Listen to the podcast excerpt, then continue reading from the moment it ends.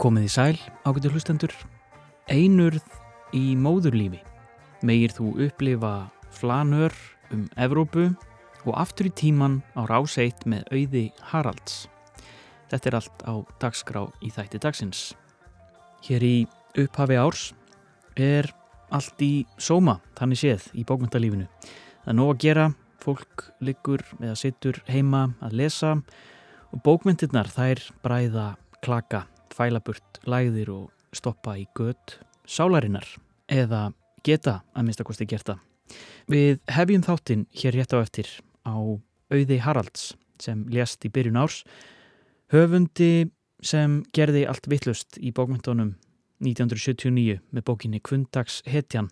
Auður var rithöfundur og grínisti af Guðs náð með sínum flugbeitta blíjandi horfist hún í augu við hvaðir og tepruskap borgarastjættarinnar og hættist að úreldum hugmyndum um hvað má og á að gera við sinn líkama og sínar hugsanir. Auður skilur eftir sig stort og mikið sapn bókmyndaverka bæði fyrir fullortna en líka börn og unglinga og af öðrum bókum má nefna bækurnar hlustið hér á Mozart ung, há, feig og ljósherð, barna sögurnar um Elias og unlingabókina ban eitrað samband á njálskötunni. Fyrsta skjáldsaga auðar, Kvundags hetjan, þrjár örugar aðferir til að eignast óskil getinn börn, kom út árið 1979 og vakti strax mikla aðtegli. Hún opnaði umræðu í samfélaginu um heimilisofbeldi og kvennakúun og á Útgáfi ári bókarinnar gerði Silja Adalsteinsdóttir, bókmyndafræðingur og reittstjóri, útvarstátt hér í Ríkisútvarpinu, þar sem lesið var upp úr nýjum bókum og rætt við höfundana. Auður Haralds var þar á meðal og við ætlum að hefja þáttinn á að fara aftur í tíman á litlu broti úr þessum þætti. Förum á útvarsbylgjónum aftur til ásins 1979 þegar kvundagshetjan reið um héruð. Ég heiti Jóhannes og þetta eru bara bækur.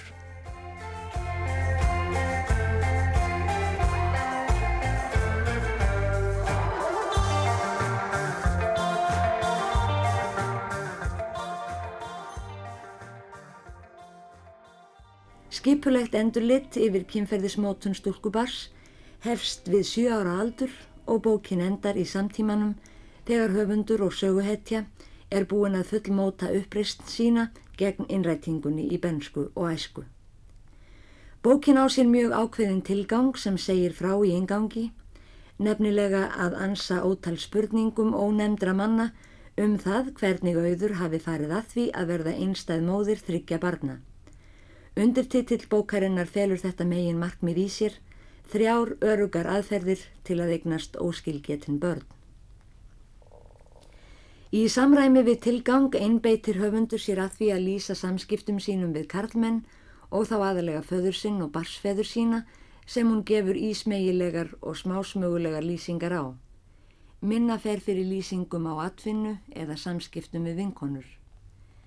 Hið breyða samfélag og kerfi þess er þó allstaðar nálagt í bókinni og þó engum í kaplanum um baráttu söguhetju fyrir því að fá meðlag með elsta barni sínu en fadur þess bars fluttist úr landi fljótlega eftir að það fættist.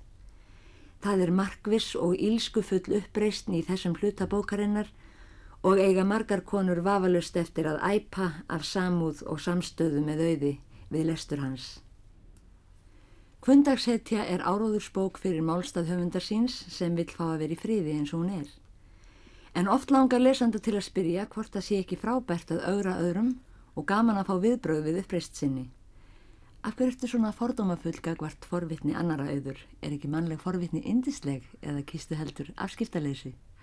Uh, mannleg forvitni er afskaplega indisleg og holl. Uh, það eina sem ég er fordómafullga hvart eru fordómar. Og uh, ég verða viðkynna að ég hef afskaplega gafan af því að augra náunganum. En unleið finnst mér að meðan ég særi, meiði eða skemmi ekkert fyrir honum, þá komum ekki við hvað ég geri og það sama gildum alla aðra. Eins og stendur þannig fyrir ofan eitt kaplan og tekið upp úr nakti ofinberi þjóttnin að vera heilbreyður er að hafa sama sjúkdómin og nágrannin. Og í beinu framalda bókinni og anduð þinni á sambúð sem þú segir frá undir lökinn, er það þín skoðun að konurnar eigi að búa í sér íbúðum með börnin og vera einstæðar mæður en karlarnir kannski allir saman í rétt og svo sé hægt að hleypa til um jólinn? Það er allt úr sjaldan. Ég er samt ekki samanlega þessu, ég er hlind sambúð en aðeins með því skilur hún gangi mjög vel og fólk eh, síni gagkvæma kurtesi, það held ég að sé nummer eitt og gagkvæma tillitsemi.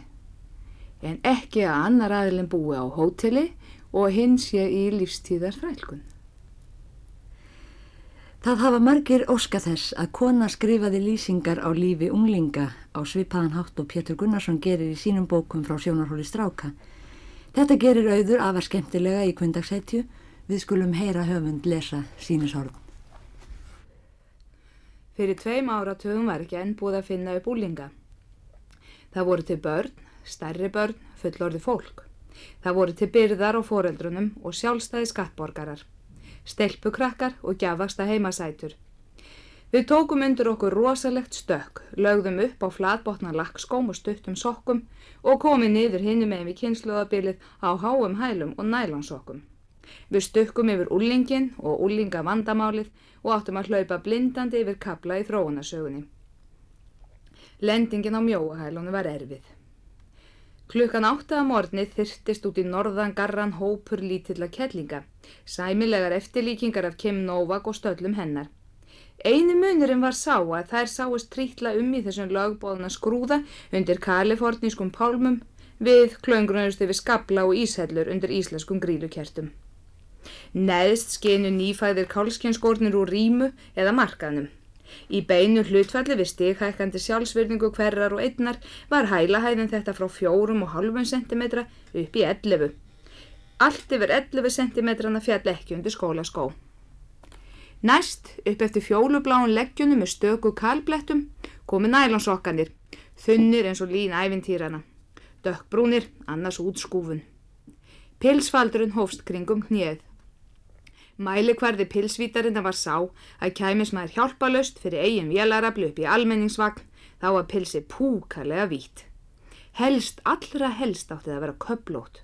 Þá máttu sjá að hinnum 23 köplum sem var það kosta til yfir breyðasta hluta botsins fækkaði snarlega niður í 13 um nýja. Fyrir ofan pilsi tók við dolli blúsa. Hún leisti skirtublúsunar að vakt þetta árið og hjekk bein niður eins og fyrsta styggst tækifæris útbúnaður. Ef pilsi var köplót var blúsan einlitt. Ef pilsi var einlitt var blúsan rósót. Það stóð í stjórnaskráni. Utan yfir blúsunni máttu verið gollu. Að vísu héttu þar golftreyjur í munnum aðra vora en það var svo sveitó. Setna eru þeirra peysum því gollur eruðu sveitó. Golla mátti ekki vera þykk. Það hefði aðeins gengið utan bæjamarkana. Þegar við gerðum uppreist gegn hefðbundnum klæðinaði snerum við bakinu fram og neppingunni aftur á gollunni. Það var stæl. Viðu kendur skjólfatnar og þorranu voru allt eftir efnahag, rúskinsjakkar og apaskinsjakkar. Rúskinn er venjulegt skinn með raunguna út en apaskinn er ekki fláðir apar. Það er eftirlíking af rúskinni á flauilsgrundvelli og heitir mólskinn á öðrum tímum. Úlpur voru púkó, hettur voru púkó, vettlingar, ullasokkar, húfur, treflar, allt púkalegu barnafatnar sem við höfðum lagt að baki og átt í erfilegu með að grafa upp ef við fórum á skauta eða í skíðaferðalag. Efst trónaði höfiðið og myndi sterklega á títuprjónshaus, boruð ofilið af hórskreitingu sem slagaði hátt upp í pompadúr þegar hún var að festa sig í ljósakrónunum. Við fórum á fætur hálf tíma fyrir til að túpera hárið veitnum hvert lokk fyrir sig með prjóninum og greiðinni, strektum hann upp og greittum niður og við þar til hann var ærlega flæktur. Þegar hver lokku fyrir sig var orðinni svo gamall ullalagður og gattavirskyrðingu, flæktum við þeim vandlega saman með enn einni yfirferð. Síðan smelti maður úrleðnum í aðra stellingu og greitti ofur varlega efsta horlæð án þess að bæla hnúðana niður. Ef árangurinn varð eins og bólgin heisáta var eigandin hafmyggjusöm til að goðum líka uppsetningi færi ekki út um þúfur þegar að norðan átján vindstig skillu á henni lökkuðum við vandlega yfir með hárlekki. Þegar það var storknað vorum við reyðubúna til að takast á við náttúruöflin. Og síðan fórum út í áviðrið sem reyf og tætt í flíkurna svo hnappanir slittnuð af en hárið á okkur haggaðist ekki. Til að augra ekki forlugunum eða hætta á afkælingu lögðum við varlega yfir þetta slæðu. Hún var úr hennu skjólgóða efni sifong og mátti lesa í gegnum hana marg samanbrotna. Tískulína þess tíma krafðist þess að við nýttum hnútin á högubrotinum. Um þessa myndir bar svo við að gerfiefni heldu innrið sína alkomin til íslenskra neytenda. Bómulla nærföld lagðust niður og upp voru tekin 100% bræ nælum nærföld. Innan undir þröngapilsun og dolliblúsun og jakkanu sem náði rétt niður fyrir mitti hefði mátt bjarga miklu með sæmulegu nærföldum. En þau voru þótti okkur aðalega ætlu sjómönnum. Við dömurnar gengum í pínuböksum og þunnu nælunni og brjósthaldara því síðara hvort sem við þurftum þess eða ekki. Mjótt sokkabandabelti og síðan bert stykki frá nára og niður að soknum. Nærbóli fundu heldur ekki náð fyrir augum vorum. Þessa vetur var til óvinnur sem stóð foreldrum, kennurum og öðrum gleðumorðingjum langtum framar. Blöðrubólga. Það alversta við hana var að ymmit þetta leiðinda fólk hafði spáð því að við fengjum hana. En það var til önnur múndiring, gallaböksur og mokkasínur með 5 centa pening á milli varan á yfirleðrunu og flónilskirtur. Ákveðin hópur hvenna klætist þessu. Sami hópur fór í sjoppuna í fríminútonum og reykti og talaði við strákana. Ég fann greinilega innra með mér og sangvænt vísbendingum móðum minnar að þetta var ekki eftirsoknaverði félagskapur. Það eina fúla var að þær skemmtu sér alltaf og allstaði betur en ég. Auður Haraldsdóttir las hér úr Kvundagshetjunni árið 1979 á útgáðu ári bókarinnar í þættinum Endur minningar hér í Ríkisútarpinu og það var Silja Adalsteinsdóttir sem sá um þáttinn og spjallaði líka stuttlega við auði um þessa stórmerkilugu bók.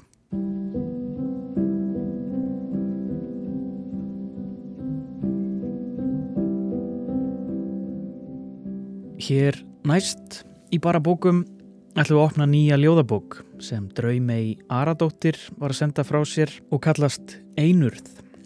Þar heldur lesandin inn í móðulífið. Þetta er bókum upphafið um það sem við erfum, kynnslóða áföll og um hughrif og kendir sem móta einstaklingin á fyrsta og viðkvæmasta skeiði æfinar í móðulífinu.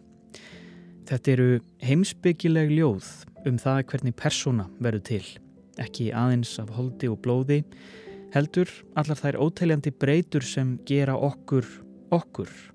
Einurð er sjöunda bók Draumegar Aradóttur og með Einurð og Varurð.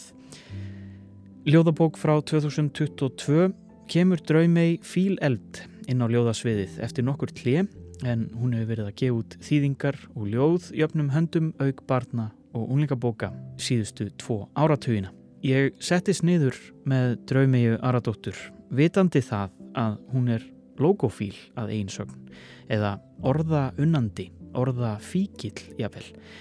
Og mér fannst líka beinast við að spyrja út í nafn bókarinnar Einurð.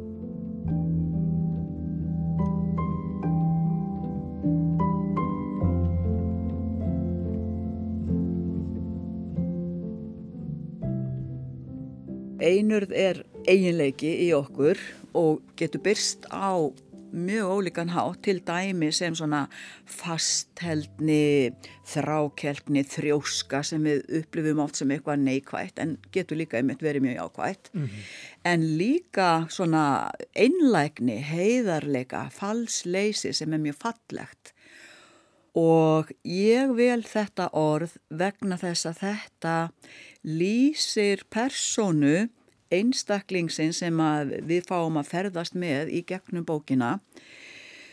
Og eh, líka það er annar þátturinn og hinn þátturinn í því að ég vel þetta orð þennan titil á bókina er einmitt þarna fyrir hlutin ein urð því þetta tengist sko ekki bara einlægni heldur líka ein vera og þessir eiginleika sem ég taldi upp áðan, ekki síst einlægnu og heiðalegi og líka þrjóska, þeir eru mjög oft einkenni hjá, sterk einkenni hjá uh, fólki, börnum og fullornum á einhverfi rófi. Mm. og samt eru einhverfir alveg allskonar eins og óeinhverfir eru allskonar en þetta er þáttur sem að margir kannast við hjá einhverjum og ég þekki mjög marga bæði af því að á uppkomin svon sem að greindist mjög seint með einhverfu mm. og líka af því ég starfa sem sérkennari og er bara með hópa af einhverjum börnum að vinna með þeim Já, og sé annars vegar bæði fjölbreytileikan og líka þetta sameigilega þess að fallegu, dásamlegu einlagni og heiðarleika og svo líka svona þrjóskuna svolítið fasthældnina, reglurnar en um leið svona úthaldið, þrautsegu. Mm. Og þú tilengar bókina uh, já, bara fjölbreytileika mannflórunar í, í Já, þessu skinni sko. algjörlega. Já, ég tilengana börnum og fullornum á einhverju rófi og af því að ég fagna fjölbreytileikanum. Já, Það eru náttúrulega við óeinhverfu sem hefum skilgreint einhverfuna en við erum að skilgreina hana utanfrá eins og við sjáum hana. En einhverfan er ekki það sem við sjáum. Og alveg á sama hátt eru þeir sem eru einhverfir, þeir myndu skilgreina óeinhverfa eins og okkur á allt annan hátt heldur en við skilgreinum okkur. Þau myndu skilgreina út frá því hvernig þau sjá okkur og skinja. Um, ég nefndi hérna síðustu ljóðabók, Varurð. Um, þar varst þú svolítið að líta inn á við, gera upp æsku, gera upp óta um, og ímislegt. Mm. Um, þarna ertu náttúrulega sko að uh, þarna er ljóðmælandin sko, þarna fyrir ennþá aftar, þarna er bara manneskja í, í móðurlífi. Um, hvernig kom þessi hugmynd? Hvaðan komið þessi ljóð að kafa einhvern veginn svona já, inn í móðulífið. inn í móðurlífið? Já og þá, sko, það sem tengir þessar tvær bækur og í raun og veru alla ljóðabækurna mínar er uh, ferðalög. Ég fer, fer alltaf í ferðalög. Þetta er, þó það sum ljóð séu stök, þá eru þau samt svona í beinu framhaldi og búa til ferð. Þannig var einmitt varurð ferðalag gegnum óttan. En þetta er líka ferðalag og þetta er svona ferð um hrif, um sagt hughrif, kendir og geðhrif og áhrif þeirra á barnið á fyrsta og viðkvamasta skeiði í lífið þess sem er í móðulífinu og þess vegna vildi ég fara inn í móðulífið og ástæðan af því þú, þú spurðinu það, hún er tvíþætt sko, annars vegar er hún svo að, sko ég bjó lengi í Elendis í Svíþjóð og svo var ég flutt heim en, en sonur minn býr þar enn og, og langar ekkert að flytja heim. En hann sem sagt uh, bara um þrítugt þá er hann í læknisrannsókn og hjá geðlækni og það er verið að einmitt að hérna svona skoða bara allt mögulegt í kringum hann og þá ringir þessi geðlæknir í mig og vil fá að vita eitthvað um bernsku hans og ég spyr, uh, já, eigum við að byrja á svona grunnskóla aldri eða mm, vil, viltu fara alveg neyri leikskóla? Við byrjum í móðulífinu, sagði hann og þetta, sko, þetta satt í mér, þetta er búið að sitja í mér síðan, það eru alveg komin 60 ár. Þetta svar og þau fengið mig til að hugsa auðvitað í móðulífinu. Já. Þetta er viðkvamast. Við höfum held ég lengi haldið að einmitt þar sé barnið svo verndað og að svo skelli heimurinn á því.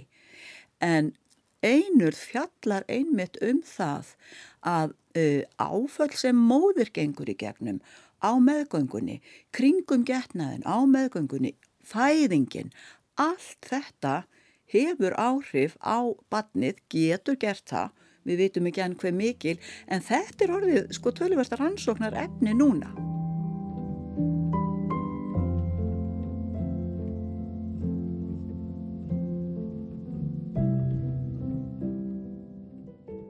Hinn ástæðan er svo að ég skrifaði eitt ljóð í fyrra, snemma árs, sem að heitir Þannig hverfist ég. Og þetta var ljóð, sko, vann síðan ljóðakeppni hjá Júlíunu, Hátísög og Bóka í mars í fyrra. Og það ljóð er endurlitt fullorðins einstaklings á einhverfu rófi sem horfir til bernsku sinnar, talar við mömmu sína og segir ég man þú varst að segja þetta og þetta og þetta en ég skinnjaði ekki svona, ég veit og sagði þetta en það er bara hvernig þú leist á það, mm. ég leit allt öðru þessu á það. Þegar ég var búin að taka á móti velunum, þetta var hann í stikkisólmi, þá fann ég að þetta ljóð, það vildi ekkert hætta þó það væri eiginlega svona útskrifað ég tók það með mér eiginlega inn í móðurlífið og þannig er þetta ljóð, það er loka ljóð bókarinnar og er þá endur lit þessa bats eða fósturs mm. en ég bara byrja fyrir, ég byrja við getnað og, og lík bókinni á þessu ljóði, Já. endur liti fullorðins manns, þannig er þetta hans ferð og þetta bat, þetta fóstur, það talar, það hefur orðið, mm. það ávarpar móður sína bókina í gegn. Ég held ekki, ég hef ekki síð að það hafi verið gert áður. Við þekkjum alveg bækur þar sem móðir talar um líðar sína með, sem sagt, þá ófrísk með batn í móðurlífinu. En þannig er það batni sem talar til móður sinnar. Mm. Segir frá sínum hughrifum og kendum. Sko, þú skiptir þessari bók í, í fjóra hluta. Já.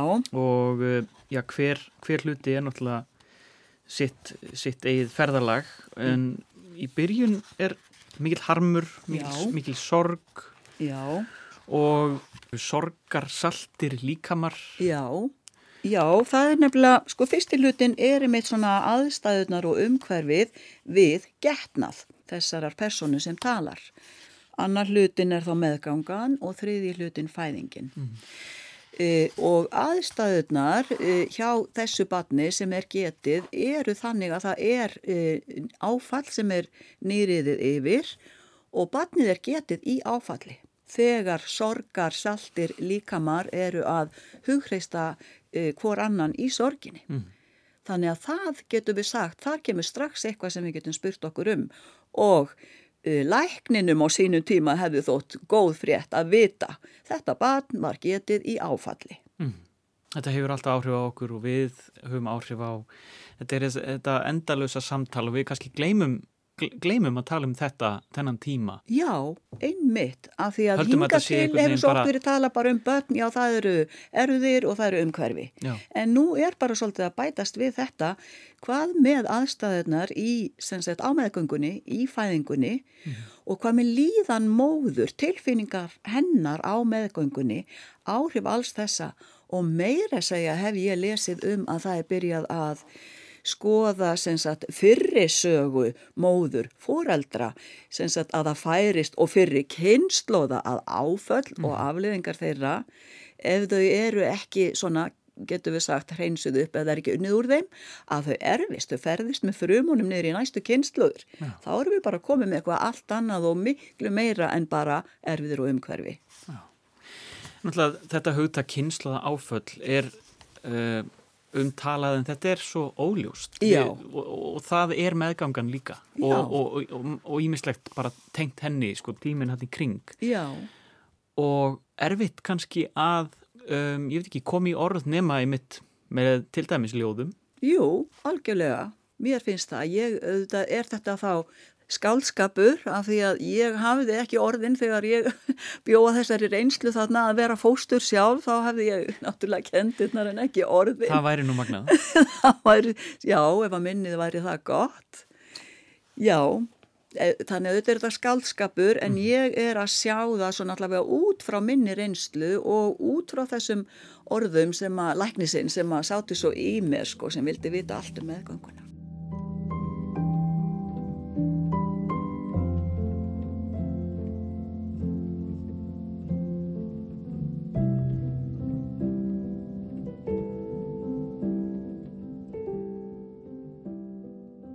Draumei, þú ert að koma svolítið eh, inn á ljóðavöllin aftur. Uh, þú varst með bók í fyrra, þú ert með bók núna, strax, í, í byrju, strax eiginlega svona í, í kjölfarið á, á jólabókaflóði. Já. Það var svolítið hlið þarna. Fannstu einhvern, einhvern, svona, einhvern svakalegan svona ljóðameðbyr núna? Já það má segja það. Það liði þarna alveg einhver ára milli, ég var í, í þýningum um stund en e, þegar ég bjó í Svíþjóð. En þegar ég kom, flutti heim 2015 það liði alveg nokkur ár þanga til ég skrifaði, e, auðvitað var ég að skrifa en ekki svona markvist Það var ekki markvist þessi kraftur, þessi þörf fyrir að búa til verk. En hann kom bara eins og óp úr yðrum mínum uh, þessi kraftur þegar ég flutti á bernsku stöðvarna mínar í Hafnafjörð mm. 2019 þá var ég í raun og veru tilbúin með ótal ljóð en ekki búin að sjá svona hvernig ég vildi hafa þetta og, og sem sagt varurð og laungunin eða krafturinn sem kom þá var einmitt vegna þess að við að flytja á benskustöðuvarnar þá vissi ég að ég vildi loksin skrifa um mína eigin bernsku þá fann ég, nú vil ég það, nú er ég reyðbúinn mm. og var bjóð með útsýni yfir höfnina, sá kraftin í hafinu og bara ég fann þennan sama kraft innan í mér, bara núna mm. verður ekkert sem að heimur mig, nú kemur þetta. Og hvernig beislar hann? Ertu, skrifaru daglega, ertu, ertu, ertu skipul, skipulagt skáld? Heyrðu, orðið skipulag sko, það, já, það má hengja það á mig. Og það var nú mikið fyrir en eftir 17 ári svíð og byttu fyrir þér sko. Já, jú, jú, ég er mjög skipulagð og annars hefði ég bara ekkert í gegnum lífið geta sko svona áorka því sem að ég hef áorkað, ég hef bara þurft skipulagð til þess En með ljóðaskrifin, jú, ég, ég skrifa flesta daga eftir vinnu og eftir sund, þar sem ég svona losa mig við vinnuna og, og byggja mig upp, þá, þá skrifa ég flesta daga, ég skrifa eiginlega allar helgar og þá mjög mikið. Ég fer mjög oft í bústaðin minnum helgar bara ég og, og kettinni tveir. og við erum svona á sama róli, viljum bara svona aðeins horfa út í rigninguna eða sólina eða snjóin og, og hugleiða og skrifa en þau sleppa skrifunum.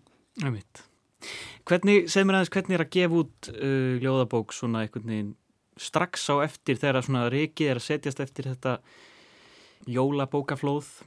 Að koma svona strax eftir áramótin, það er svona, Já, sko, í loftinu. Já, sko, mér finnst það gott, sko, ég bókin hérna, hún hefði getur verið tilbúin fyrr en ég vildi ekki vera með í markaðunum þannig ég hef búin að prófa það með varurð og mér fannst það rosalega gama þá mm. en það bara fer heilmikil orka í það að fylgja bókur hlaði og ég var bara ekki tilbúin til þess að gera það aftur þetta haust mm. þannig að ég senda hana frá mér síðsumars og hún, ég bara bað um að hún kem ekki út fyrir en einhver tíman í byrjun nýs árs og ég er mjög lukkulega með það, ég er svo útkvíld eftir jólinn og, og, og nú, finn, nú er orkan og bara æði, mm -hmm. bara mjög gaman. Já, en uh, ljóðakrafturinn, hann er svolítið komin aftur og þú, þú ert bara á, á fullu, þannig að það, það er meira, meira af ljóðum svona að í farteskinu. Jú, jú, jú, það er það. Ég held að tengist náttúrulega líka bara svona uh, sko skeiði í lífinu við, við náttúrulega göngum öll í, í gegnum svona mismunandi æfiskeið á sumum skeiðum er bara ekki tími eða orka af flugu þegar maður er í batna uppeldu og annað. Ja. Nún er ég bara á þessu dagsamlega skeiði þar að hægast um í lífi mínu og ég bara finn ég hef orkuna og, og löngunin er þarna og bara ljóð er ein leið til að lifa einn til leið til að veita sköpunagleðinni útrás og hún hendar mér, mér finnst hún skemmtileg og, og það er svona sinn ég henni. En já, já, ég, það er svona það eru svona kannski tvö ár síðan ég byrjaði á texta sem er prósi. Og ég er nú yfirleitt ekkert endilega fyrir að flokka sko bókmyndir alveg niður sko til hlítar hvað þetta er. Og ég myndi ekki segja að það væri skáltsaga og það er ekki smásögur en uh, kannski, eða þá að það er alls saman, það er smásugur og skaldsaga og ljóð en það er allavega prósi. Og það er í raun og veru langt komið en svo bara stelst stundum framfyrir eins og einurð mm. stelst framfyrir í röðinni. Og núna bara í fyrra dag þá bara opnaðist og var nýtt skjál með hugmyndavinnu og, og það bara er fyrsta ljóði komið inn þannig að kannski ætlar það líka íta prósanum til liðar mér er alveg sama, ég er bara leiðið í megið það frekast að vinna. Já. Höfum það loka áriðin Draumei Aradóttir, takk hjálpa fyrir komuna og gangið er vel. Til ham ekki með þessa nýju bók. Já, takk fyrir.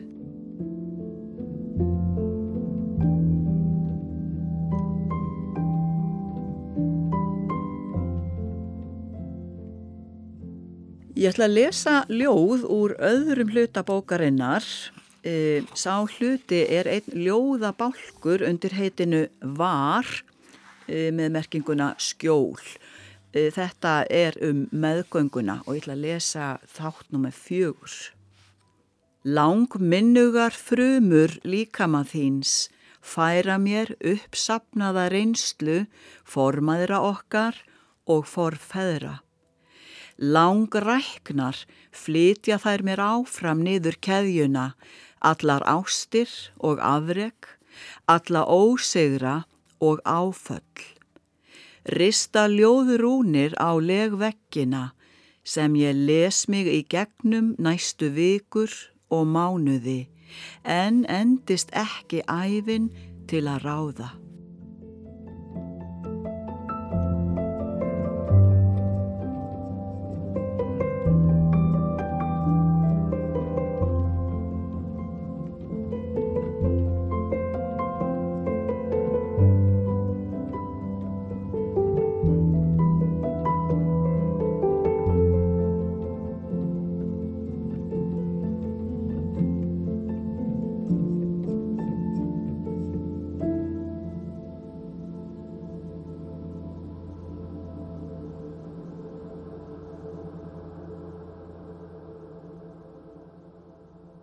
Megir þú lifa áhugaverða tíma, segir kínverska bölbænin Fræga og var eitt af því fyrsta sem skust upp í hugan við að sjá titilinn á nýri bók eftir Bjarnathór Pétursson, Megir þú upplifa, sem er jafnframt hans fyrsta bók. Bjarni Þór hafði áður stungi niður penna hér og þar til að mynda í blöð og tímaritt, en hér tekst hann á í fyrsta sinn við form stuttu skáldsögunar, nóveluna. Sagan í bókinni er fyrir mjög hefðbundin aðtugun á huga Karls í krísu, tilvistalegt ferðalag hans í leitað sjálfun sér og fegurðinni. Tekstinn snarpur og fullur af vísunum í popmenningu, tónlist og skáldskap sem drefur upp mynd af manni á krosskutum sem þráir frelsi æskunar og fegurð innan um harm, missi og gráan hverstagsleika. Við skulum heyra hvað Bjarni Þór hafði að segja um nýju bókina.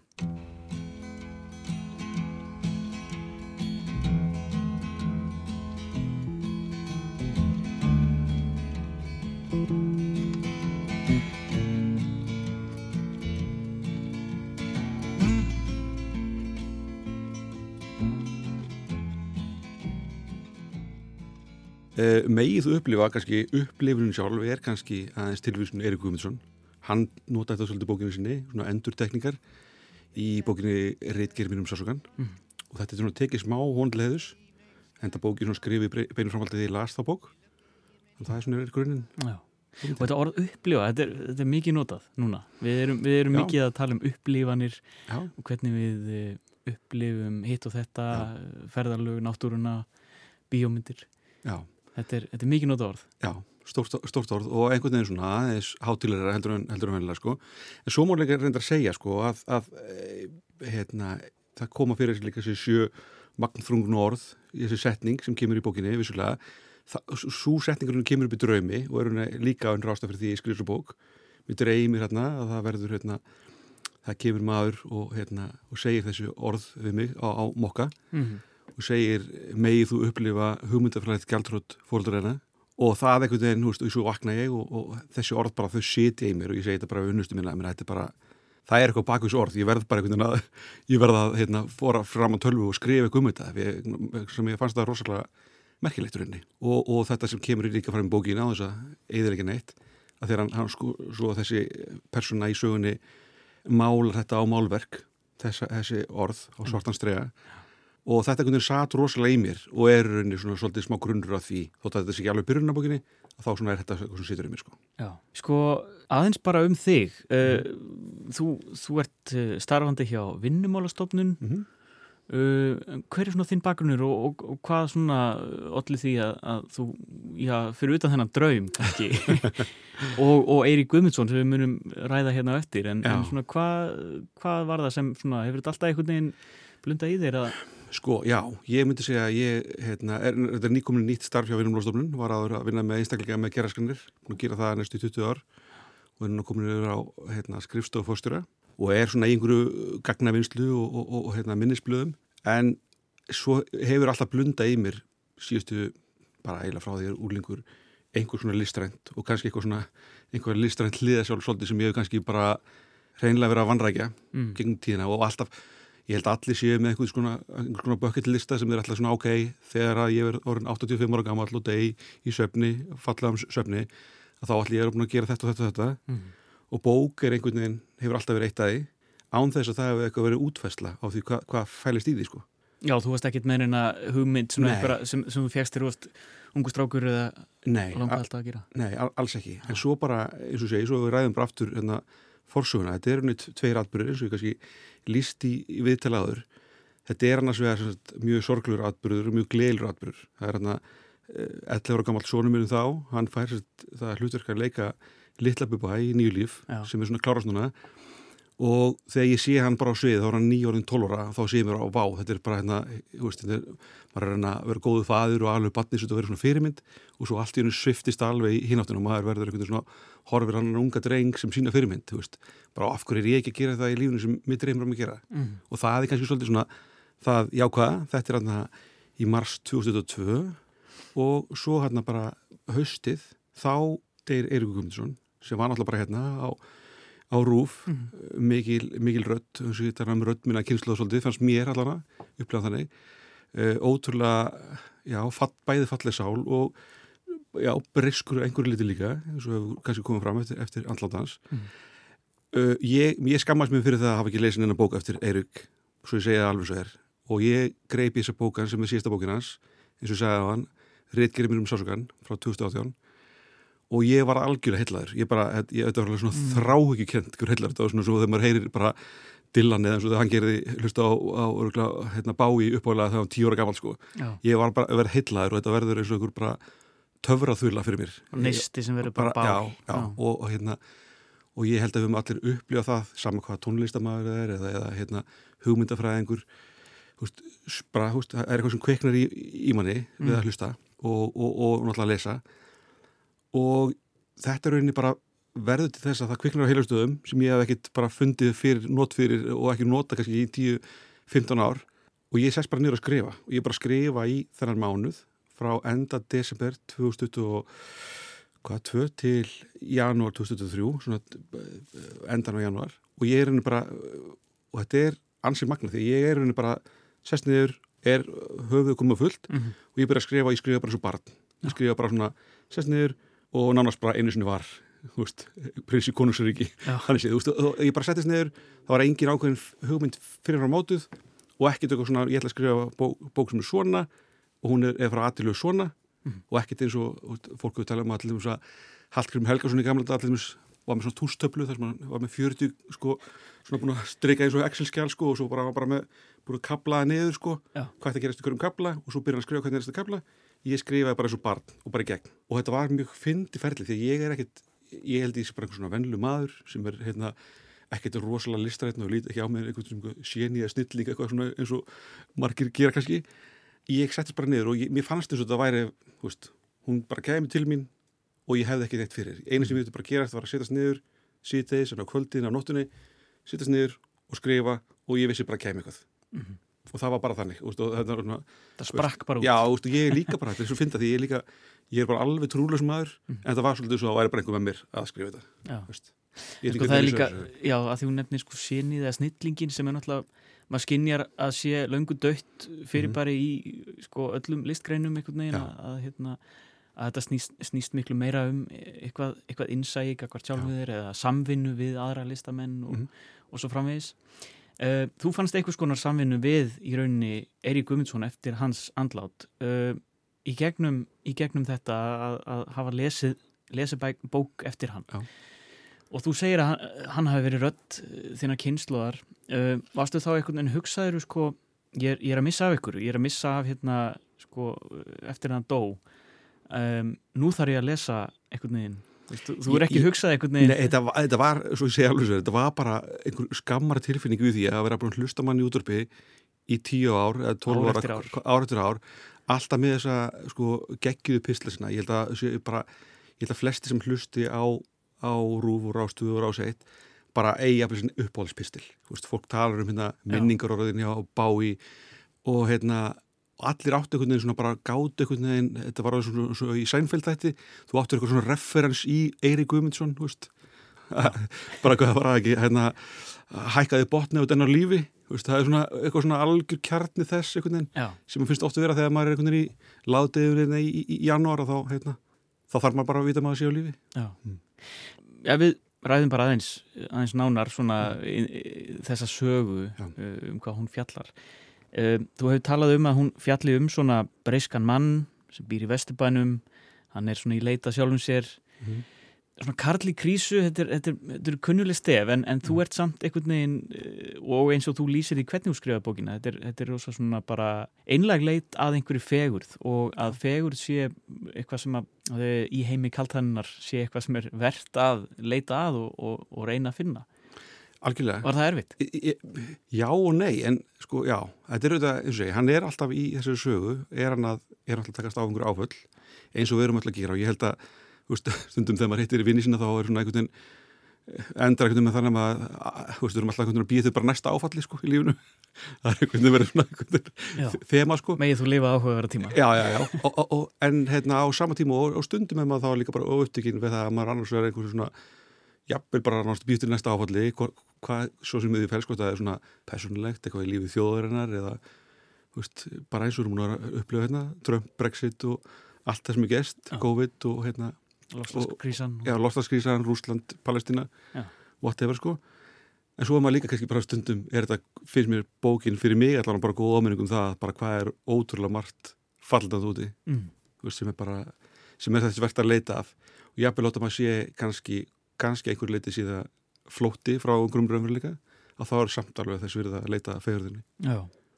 Og eins og þú segir, þetta er náttúrulega svolítið svona blanda af þér, minningum skáldskap uh, fannst þér svona, fannst þér úr ganga einhvern veginn nærið þér að vera að setja þig svona einhver leiti inn í, inn í söguna og, Nei, og aðra?